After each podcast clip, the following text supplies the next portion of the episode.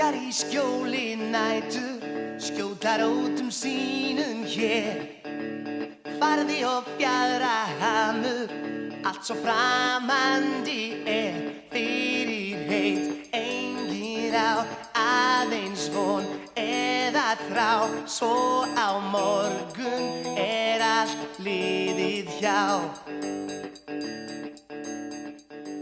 Það er orðrómur sem gengur manna á milli þess efnis að Íslendingar dansi ekki svo mikið við rinjandi laga, eða taktinn, heldur fylgi snúningar þeirra frekar laglínum hljóðfæra og sérstaklega textaflutningi söngvarans. Dansbór landans taka samsagt mið af því sem er sungið frekar en taktföstum undirleiknum. Þetta þýðir að þegar texti dægurlags er kveðin með tilþröfum getur við búist við því að sjá mjadmir sviplast í allar áttir hendur tegja sig til lofts og andlitin gretta sig í samsvörun við merkingu lagsins og að sjálfsögðu reyfast varirnar með hverju sungnu orði. Innleifunin í tónlistina er ótrúleg en þetta er kannski ekki endilega íslenskt, þetta er kannski frekar mennst. Við manneskjörnar erum merkingaverur og njótum þess að geta tjáð tilfinningar okkar enn betur með merkingar áherslum í stað þess að hristast tómlega með taktinum. En hvers vegna skildu Íslandingar fá þennan stimpil sérstaklega?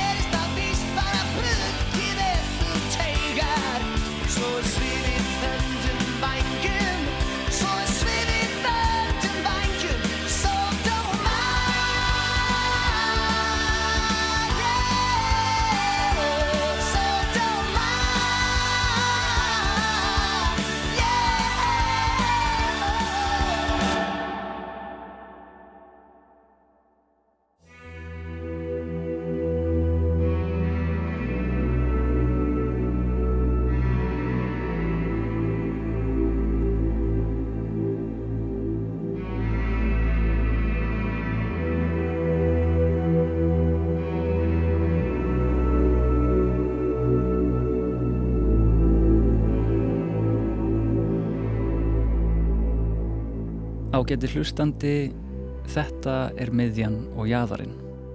Þáttaröð sem skoðar hvernig tónlist, menning og samfélag okkar hverfist um hinn ímsu sambund miðju og jæðars. Miðjan vísar gerðan í það sem er vinnselt, almennt eða í tísku, en jæðarinn í það sem er ekki á allra vörum og er heldur sjálfgeft. En miðjan getur einnig vísað í ráðandi öll og jæðarinn þá til jæðarsettra hópa samfélagsins. Þetta erum við og hinnir, tískan og kúlið, við venjulega og við óvenjulega. Í þessum þætti ætlum við að leggja áherslu á heldur spennandi jæðar. Við ætlum að skoða dansvenjur og skemmtana líf Íslendinga og einnig velta fyrir okkur hvort landin dansi heldur við texta en takt. Skemmtun er jæðar sem sveiplast í kringum heldur formfasta og reglubundna miðju, skildur og siðferði eða heið síðsamlega líf sem hinnar ymsustofnanir samfélagsins keppast við að skilgreina og líkamna. Og í þessum þætti hugum við sérstaklega að kirkjunni sem hefur sett Íslendingum síðareglur í rúmlega þúsund ár og hefur meðal annars gert seg um að banna dans í landinu. Skemtanalíf er einkennilegt rými. Yfirleitt fyrir skemtun fram að kvöldi inn í þartilgerðum byggingum með þartilgerðum vímugjöfum en það mikilvægsta fyrir gott skrall er að sjálfsögðu fólkið. Manneskjörnar sem mæta til veistlu eða á dansiball er á aðteglisverðum staði í tilveru sinni. Þau eru í tímabundnu fríi frá skildum sínum. Djamarar eru ekki í vinnunni og líklega ekki að sinna fjölskyldunni. Vinnuvika þeirra er búin og barnapíjan sér um krakkana. Kvöldið er frjálst og í því dvelja óteljandi möguleikar. Skemtanalíf er samsagt ekki hverstagurinn. Það er undantekningin. Það er jaðar rútínu miðjunar. Í mörgum samfélögum hefur skemtanalíf og dans þjónað mikilvægu útrásar hlutverki. Þegar að skildur og hvaðir þegnana voru farnar að draga úr þeim þrótt eða ergja til reyði, þá hendaði ákveðlega að blása til heljarinnar vistlu þar sem reglurnar voru yfirgefnar í smá stund og stuðið fekk að leika lausum hala. Til eru dæmi um skemmtanir þar sem valdakerfi samfélagsins var snúið tímabundið á haus þannig að valdhafar urðu valdalausir og alþýðan fekk að ráðskast með regluverkið í nokkra daga. Slikt undantekningar ástand var jaðar sem veitti þegnunum raunabót og útrás þannig að eftir veistluhöldin gatt hverstagsmiðjan tekið við eins og ekkert hafi í skorist. En í nútímanum gerum við fastlega ráð fyrir þessum jaðari. Skemtun er skrifuð inn í regluverk samfélagsins og þar af leiðandi er þetta kannski ekki beint jaðar lengur heldur hluti miðjunar. Við erum búin að finnpúsa samband regluverks og skemtunar og koma þeim í sæmilegt jafnvægi þannig að þessar einkennulegu undantekningar veistlur eru ekki lengur ykt undantekning heldur hverstasleikin sjálfur og þar með ekki alveg, já, spennandi. Það er því augljást að við munum ekki finna mikla skörun millir siðferðismiðjunar og dansskemtana jæðarsins í nútímanum. Kirkjunni er alveg hægt að blöskra við djörfum snúningum og í dag er dans meira segja svo stopnanavettur að flestum ungmennum er kentur samkvæmistans í grunnskóla. Til að finna dans sem raunverulega undantekningu á Íslandi, sem er bæði spennandi og hættuleg og staðsett sem jæðar við miðju, verðum við að ferðast aftur í tíman Ekki með því að hlusta á seppelin eins og bubbi, heldur með því að ímynda okkur ráslagalegar miðaldir á Íslandi.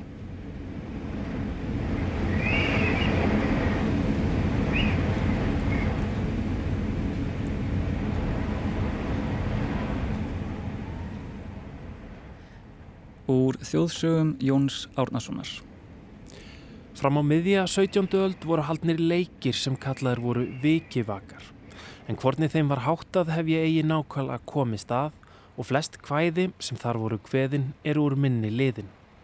Og eldstu menn segja að ömmur sínar hafi kunnað þau reybrennandi en þeir hafi eigi numið. Þá hafðu menn komið saman á vissum bæ og stíð hringdans í skála og hvæði hveðin sem allir hafðu numið sem að dansi gengu. Eitt sinn var haldinn vikivaki í hrunakirkju í Ytrarrepp á aðfaranótt jóladags letum en þar illa og höfðu í frammi ímsa ósiðu. En er varum miðnættur skeið kom maður út í hruna og sá hann rauðskeggjaðan eineiðan mann illilegan mjög í gráum kubli standa við kirkjutyrnar og halda annari hendi í ringþann er var í kirkjuhörðinni. Og hvað maðurinn vísu þessa? Held ég mér í hurðar ring, hvor sem það vil lasta Nú hafa kappar hveðið í kring, kemur til minna kasta. Og er hann hafi vísuna hveðið, sökk kirkjan með öllu sem í henni var, en svart flag var að morgni þar sem kirkjan hafi áður staðið. Þennan mann sögðu menn verið hafa kölska.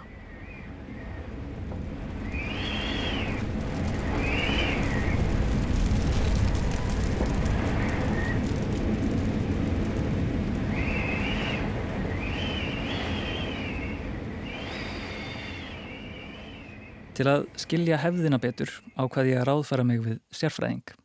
Ég hafði samband við Ingi Björgu Eithórsdóttur, tónlistafræðing, þýðanda og doktorsnema við Háskóla Íslands og við hittumst í eftirleitinu til þess að ræða sagnadansa-hefð Íslendinga og vikivakaböll á miðaldum. Alveg frá því í Sturlungu er talað um dans og það er talað um dansskemtanir. Það er talað um að slá í ringleik eða eitthvað þess að það er mann ekki nákvæmlega orðalegir í styrlusögu sem að gerist á 12. öld en þetta er náttúrulega að skrifa á 13. en allavega á 13. öld er farið að skrifa um dans og dansleiki þannig að einhvers konar dansskemtanir eru það gamlar síðan lifir þetta með einhverju móti uh, um aldir En þegar komið er fram á 17. öld er þetta farið að verða miklu minna og strjálla. Það eru samt heimildur um danskemtanir miklu lengur. Þannig að þetta heldur tiltulega lengi áfram og alveg rosalega lengi í rauninni við horfum alveg á alla hennar tíma frá bara styrlungu og, og fram á bara þess að byrjun, lok 18. aldar byrjun 19. Dansskemtanir hafa semst verið til staðar á Íslandi í margar aldir en í dag fer dansskemtun fram á hverju kvöldi í miðbæ Reykjavíkur. En með nútíma skemmtanir fyrir hugskott sjónum er nokkuð erfitt að ímynda sér hvernig þetta fór allt saman fram á öldum áður. Um leið og hugsaðir einu og halva öld aftur í tíman, það var til að mynda ekkert ramag til staðar, engir bílar og tónlist sjálft séð. Húsakinni voru frekar í þessum viðar og moldarstíl heldur en í einengahúsa eða funkstílnum sem enginn er okkar tíma. Ísland var fáment, óupphittað og óupplýst en þar var samt dansað. En hvers konar dans var það? Það er til lýsingar á tvenns konar dansi. Annars vegar hringdans og hins vegar ekkur dans sem er tengdur við vikivaka og það er einhvers konar, alltaf við mjög gömlum lýsingum, verðist að vera svona staðbundin dans og svona paradans. Dans sem fólk svona vakka sér einhvern veginn til og frá og það er til mjög fyndnar myndir sem tekningar að fólki að dansa og það er allt einhvern veginn svona með spertan brjóskassan og puttan á lofti og maður svona veltið fyrir sig hvort að það hafi verið vikivakin. En það er ekki alveg vitað hvernig þetta leita allt saman út? Það er náttúrulega, við höfum náttúrulega bara mjög gamla lýsingar og það eru oft mjög óræðar og mjög erfitt að ráða í hvað í rauninni verið að segja. En, og líka þetta með, sko það náttúrulega, það hefur verið til einhvers konar, eða tvennskonardans og svo þegar líður á til dæmis komum fram á, fram á átjóndöld þá verðist sko fólk ekki alveg verið með að reynu hvað var hvað. Og maður sér til dæmis í skrifum Jóns, Grunnavíku Jóns að hann talar um að vikivaki hafi verið hringdans en aðri segja að vikivakin hafi ekki verið hringdans það hefði hins vegar verið til hringdans og vikivaki sem hafa verið eitthvað nöðursi Var leikin tónlist undir eða var í rauninu bara kveðið og dansað við ljóðið sem er svona, það er svolítið skrítin hugsun?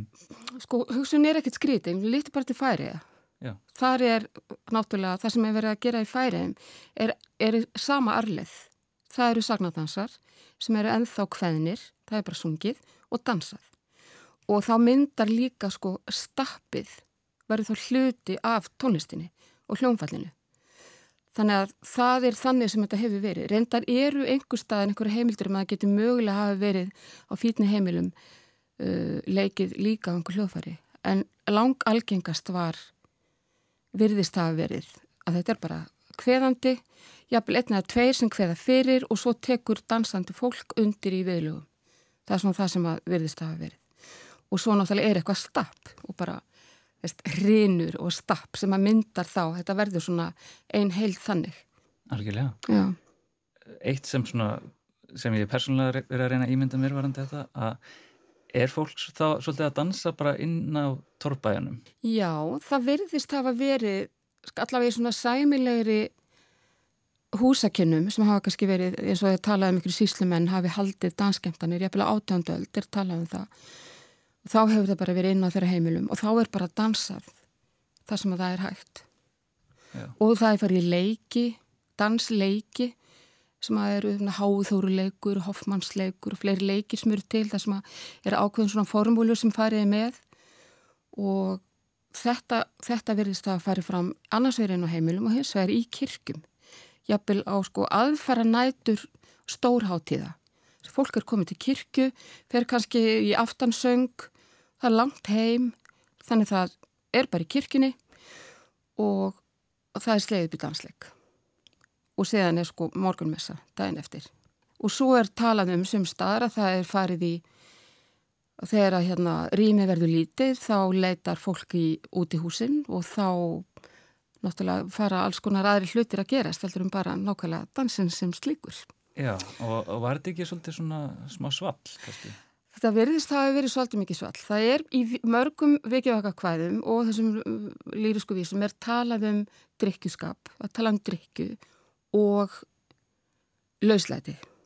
Og oft er stundum að tala um að, að á þessum, þessari, þessari gleðinni hefur komið undir þetta og þetta mörg börn sem er náttúrulega þá eitthvað sem er ekki æskilegt.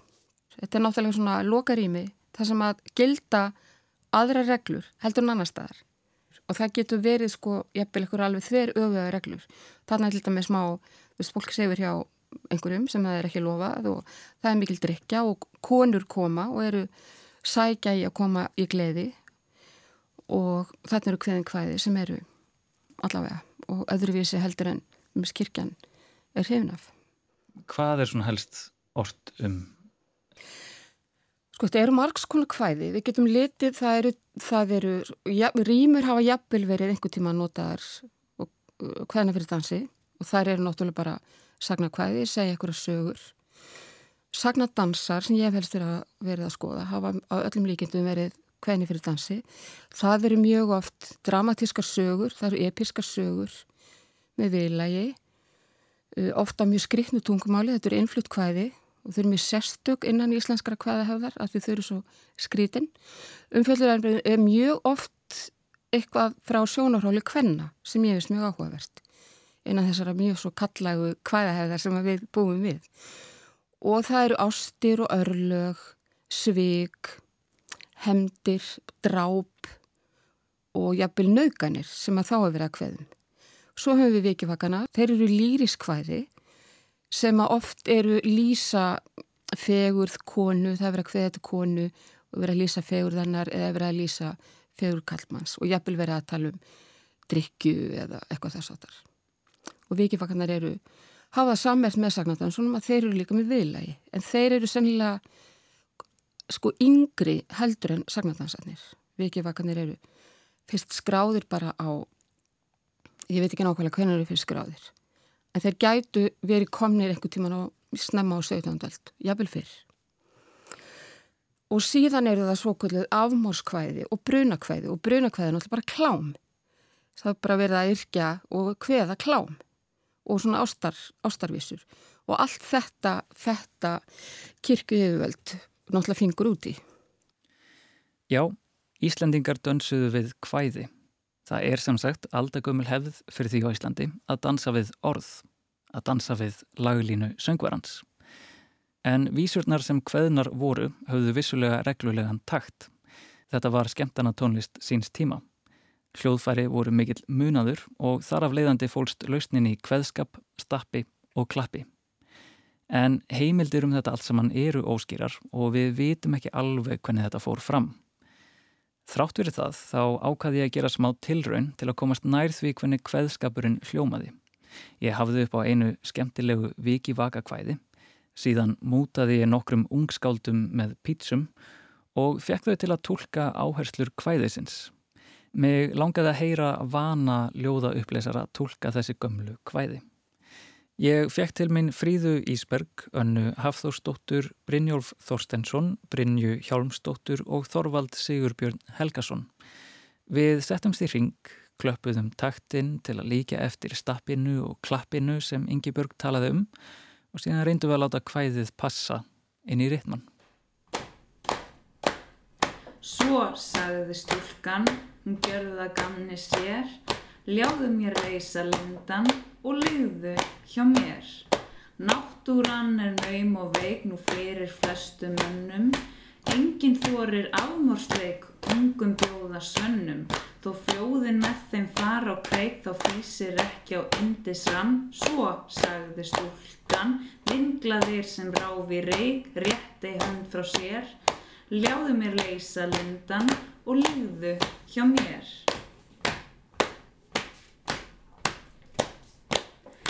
Menja skorðin mælti þá, mega það þjóðir skilja, ef þig þýsir fljóð að fá, ég skal gjöra þinn vilja. Velkomin skaltu vera mér hjá og vináttu kærleik binda þann, því svo sagði stúlkan. Meðan öngvir menn til sjá, máttu flýta þér, ljáðu mér leysa lindan og liðu hjá mér. Hann reið ansa henn á mót, halur með stoltu sinni, Lítið hef ég lagt við snót, lagt á æfi minni. Lífið ansaði vel að njót, veðða ég lengur svímann þann. Svo sagði styrkan, kunnir þú engin kærleiks hót, þá vil ég kenna þér. Ljáðu mér leysa lindan og ligðu hjá mér. Beint ertu til blíðu seinn, blóminn ansaði kanna. Þurft hefur aldrei þegni neitt, það sér láta kenna. Svo yfrið margur ungur sveit fyrir ástafél í huganum brann, svo sagði stúlkan. Sína unnustu sér hver mann með sæmt hefur hjá sér, ljáðu mér leysa lindan og liðu hjá mér. Næsta mæli ef nú til þín njótur fotnist teiga, Ekki mun þér hvað auðar lín við aðra betri eiga. Því yðkað hef ég um æfi mín afmórsleik við margan mann, svo sagði stúlkan, viðrar eftir vilja sín veittu blíð af sér, ljáðu mér leysa lindan og ligðu hjá mér. Skilur nokkuð þegaður þá, þords hvað niftin teita, sem vilja gjarnan vífin fá og vináttu þeirra heita. En þeim brúðir bæja frá og bindei lengur truss við mann, svo sagði stúlkan, mína blíðu máttu fá en móti brist þú þver. Láðu mér leysa lindan og ligðu hjá mér. Oftar skal ég eyði þig, ansaði bauga tróða, til blíðuleika bjóða mig, þó ber ég þangan ljóða. og þó minn sé óurleg ákyrndinn að hitta mann, því svo, sagði stúlkan, hér skal enda orðastig um óðarlítið hver, ljáðu mér leysa lindan og ligðu hjá mér.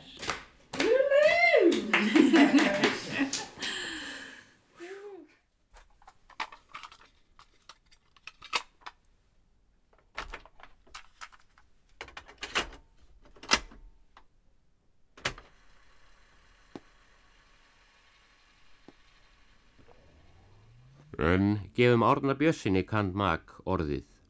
Hann hefur stunda böll á Íslandi, eiginlega allt frá landáms tíð og fram á þennan dag og er einmitt fættur og uppalinn vestur í dölum þar sem hinn fræga Jörfagleði stóð.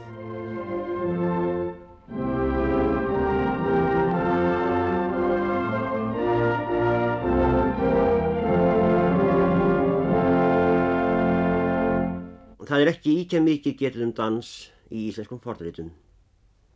Sumir hafa jafnvel vilja halda því fram að forfeyður okkar hafi alls ekki kunnað að dansa og væri kannski bættur skaðinn.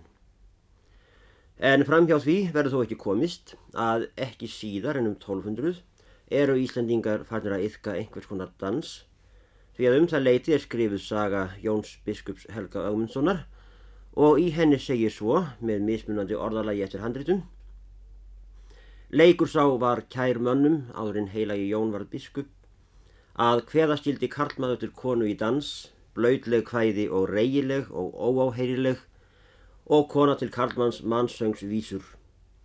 Þennan leik let hann aftaka og banna styrklega. Mannsöngskvæði vildi hann eigi heyran ég hveða láta en þó fekk hann því eigi komið af með öllum.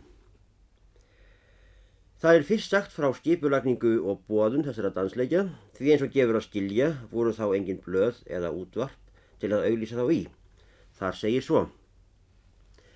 Í fyrstu taka tveir menn sig saman þessi fyrir gleðinni gangast að fala gleði fólk um sveitina og nær þeir þykjast hafa fengið svo mikið fólk ungt sem nægi til vökunæturinnar koma allir til þess staðar hvar gleðin á að haldast og nær fólkið er saman komið í gleðistofunni befala gleðimennir hvern fólkinu að halda saman í vikivaka. Þær eru til þess liðugar svo þær verða að tölu 12, 14 eða jafnvel 16 ef þær eru svo margar og rúm er til.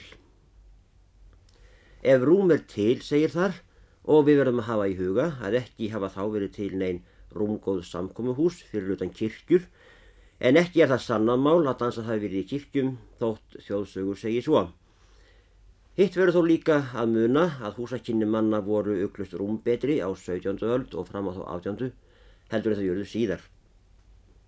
Við skulum aðeins heyra hvernig hinn siðavandi prestur Þorstein Pétursson á Staðarbakka lýsir jóladansinum hjá Bjarnar Síslumanni á Þingeirum um miði 18. öld. Bjarni hafði fengið Jóskan bonda sem átti að kenna húnvetningum jarðrækt til að blása fyrir dansinum. Sér að Þorstein segir meðal annars.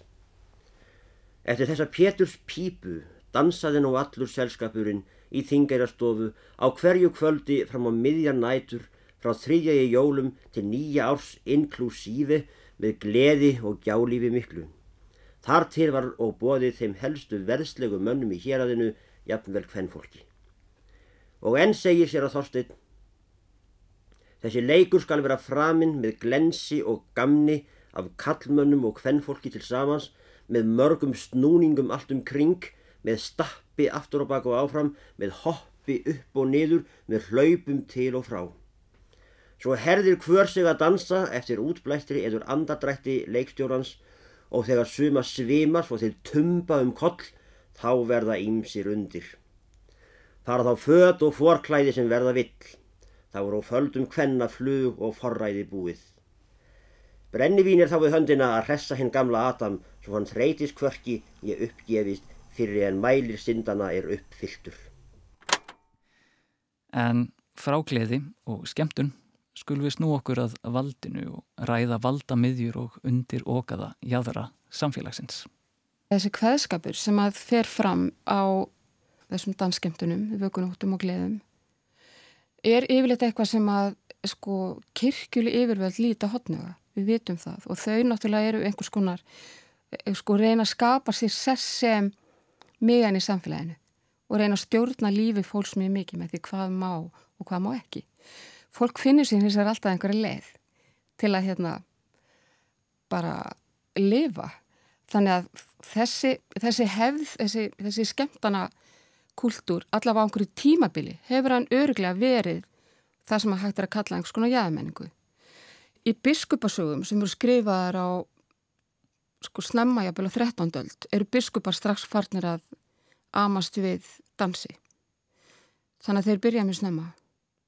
Það er hins vegar ekki fyrir en eftir síðaskipti sem að þeir verða mjög miklu harðari og Guðbrandur Þólusson biskup sem að gaf hólabókina, fyrstu sólmabókina 1589 og síðan vísnabókina 1612. Eh, Hann notar formála begja þessara bóka til að amast mikið við allir í alþjóðmenningu og ekki síst dansinum og uh, talar um að það megi yrkja rýmur sem eru þá um sko kristilega og biblíulega hluti og það er sem gert í vísnabókinni.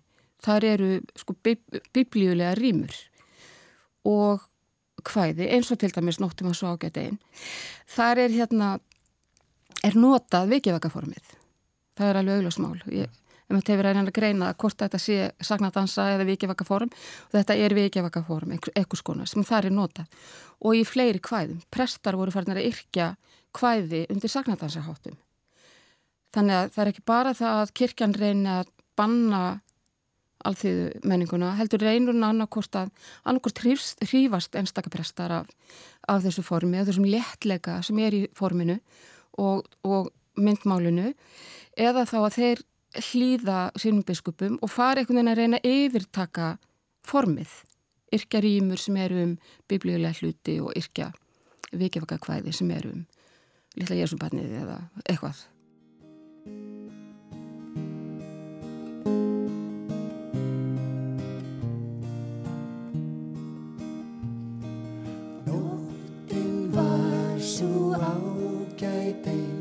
Í allri verður ljósið skein, það er nú heimsins ströytar megin að þekkja nei sem bæri. Með vísna sög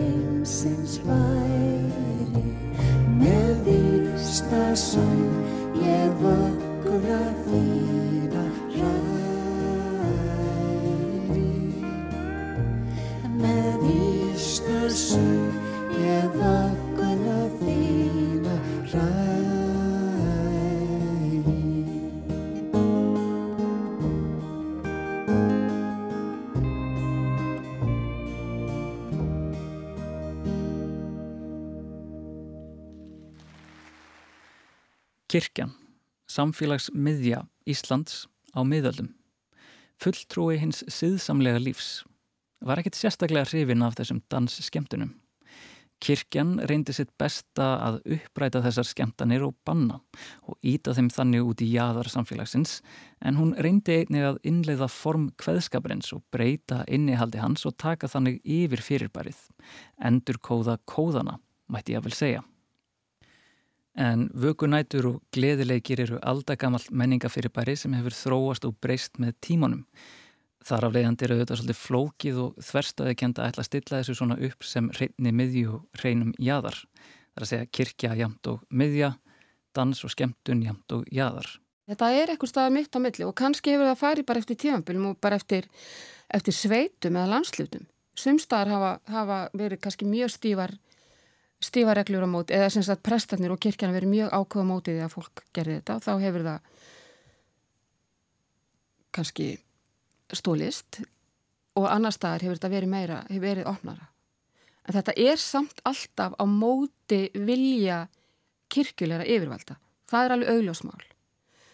Þannig að þýletinu er þetta einhvers konar, þetta er svona þessi frjálsa alltíðmenning sem er svo erfitt að, að berja niður. Hún bara, hún liður sínu lífi. Á bladi voru kirkju yfirvöld alfarið á móti þessum skemmtunum og bylið mellið miðju og jaðars því afar skýrt. Degðugt og siðsamt líf var miðjan og dans og gleði jaðarinn sem átti helst að uppræta. En þegar reynd er í raunina, undir pappirónum, má finna heimildir fyrir alls konar skemmtana skjólum upp til sveita. Prestar kusu sumir að leiða þessar reglur hjá sér og leifðu fólkið að dansa í kirkjónum sínum. Veislur voru haldnar á laun á stórum sveitabæjum en síðan voru nokkurir embættismenn kirkjunar sem virtust hreinlega ekki vita að kirkjan vildi banna þetta með öllu. Árið 1733 sendir Magnús Einarsson prestur í laugadælum bref til biskupsins í Skálholti, Jóns Árnarssonar, þar sem hann kvartar undan þessum vögunóttum og gleðileikjum í sókn sinni. Magnúsi finnst slíkt fyrirbæri ósýðilegt og spyr biskup hverja skoðunar hans sé varðandi þessar skemmtanir. Þess ber að geta að á þessum tíma ríkti dansbann á Íslandi og hafði gert frá 1687. Svar biskups hljóðar svo. Ég svara. Svotan vöku, nætur og gleðileikir eru að minni meiningu svívirðileg bæði fyrir guði og öllum guðrættum mönnum og eiga þess vegna ungvan veginn að líðast. Þeirra nýtt sem er enginn svo ég sjái. Heldur eru þeir sæði anskotans í vantrúðum mönnum sem eru fullir af gjálífi og vondum, gyrndum og tilneyingum. Í hverjum djöfulsins ríki hefur fengið yfirhönd. Svotan leikir koma fram af holdsvellist og elsku til heimsins. Í lók brefs minnir biskup prestin á norsku lögin sem banna dans í landinu og kallar hann dansin að lókum verk myrkrana.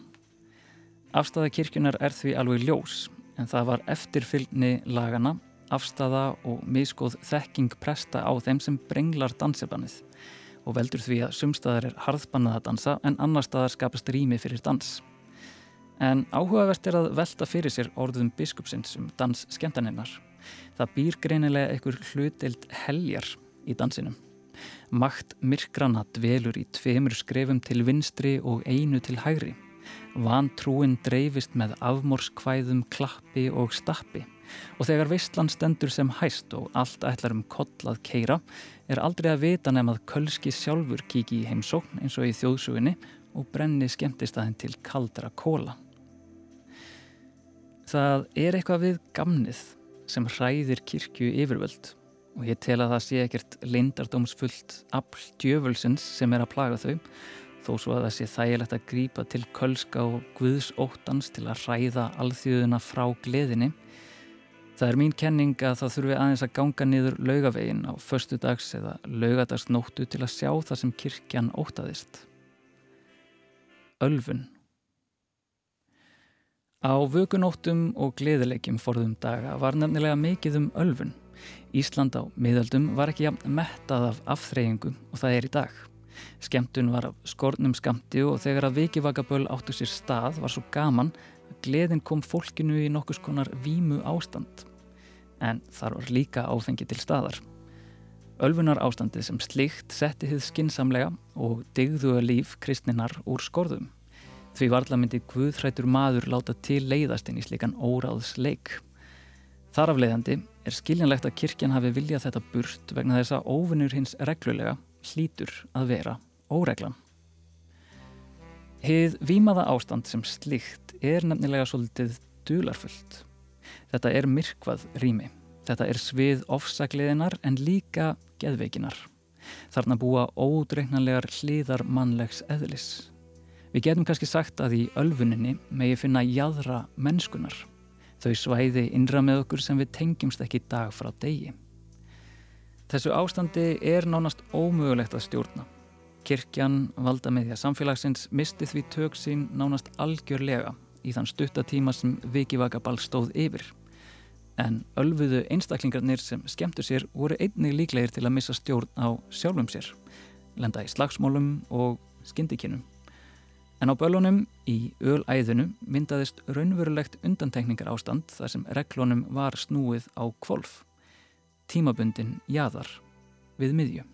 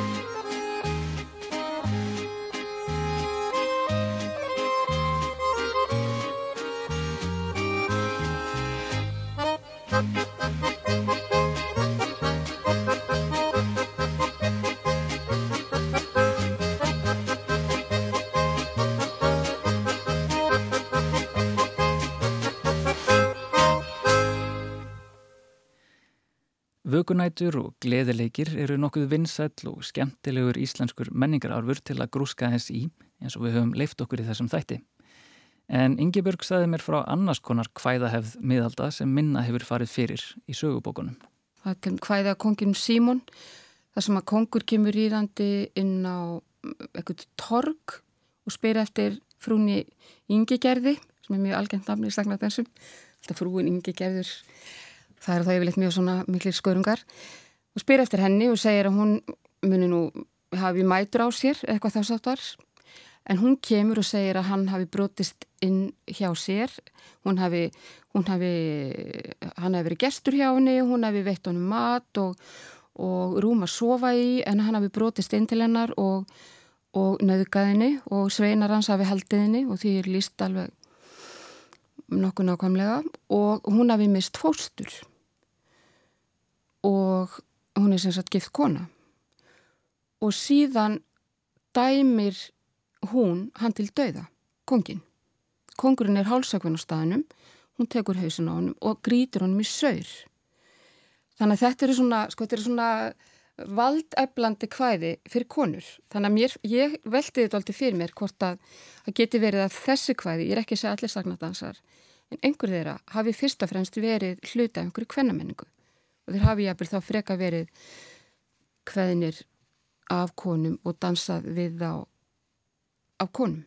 Það er í sumum af þessum rítgerðum sem eru til nefnt að konur hafi jafnvel dansað einar og hveðið mjög fálega. Já. Þannig að allt er þetta mikið á einhverju efstíi. Einmitt. En það er hægt að benda á það. Það eru heimildur um að konur hafi dansað einar. Rétt eins og körlum er oft líst í bókmentum farandi með skrýtlur og klámuvísur á meðan þeir leitað kindum upp á heiðum þá stunduðu konur svipaða yðju. Þær fóru með kvæði og dönsuðu einar í herbergjum og baðstofum sér til dægrar styttingar.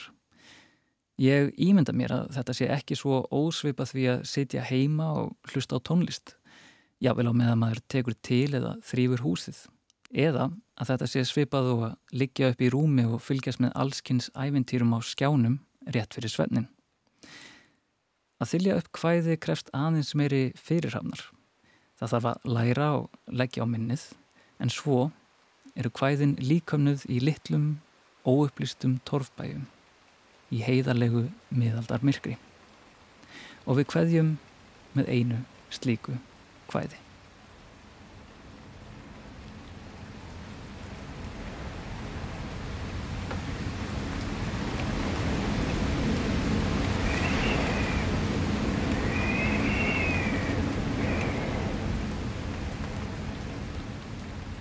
Viljiði nokkuð hlýða mér á meðan ég segi frá.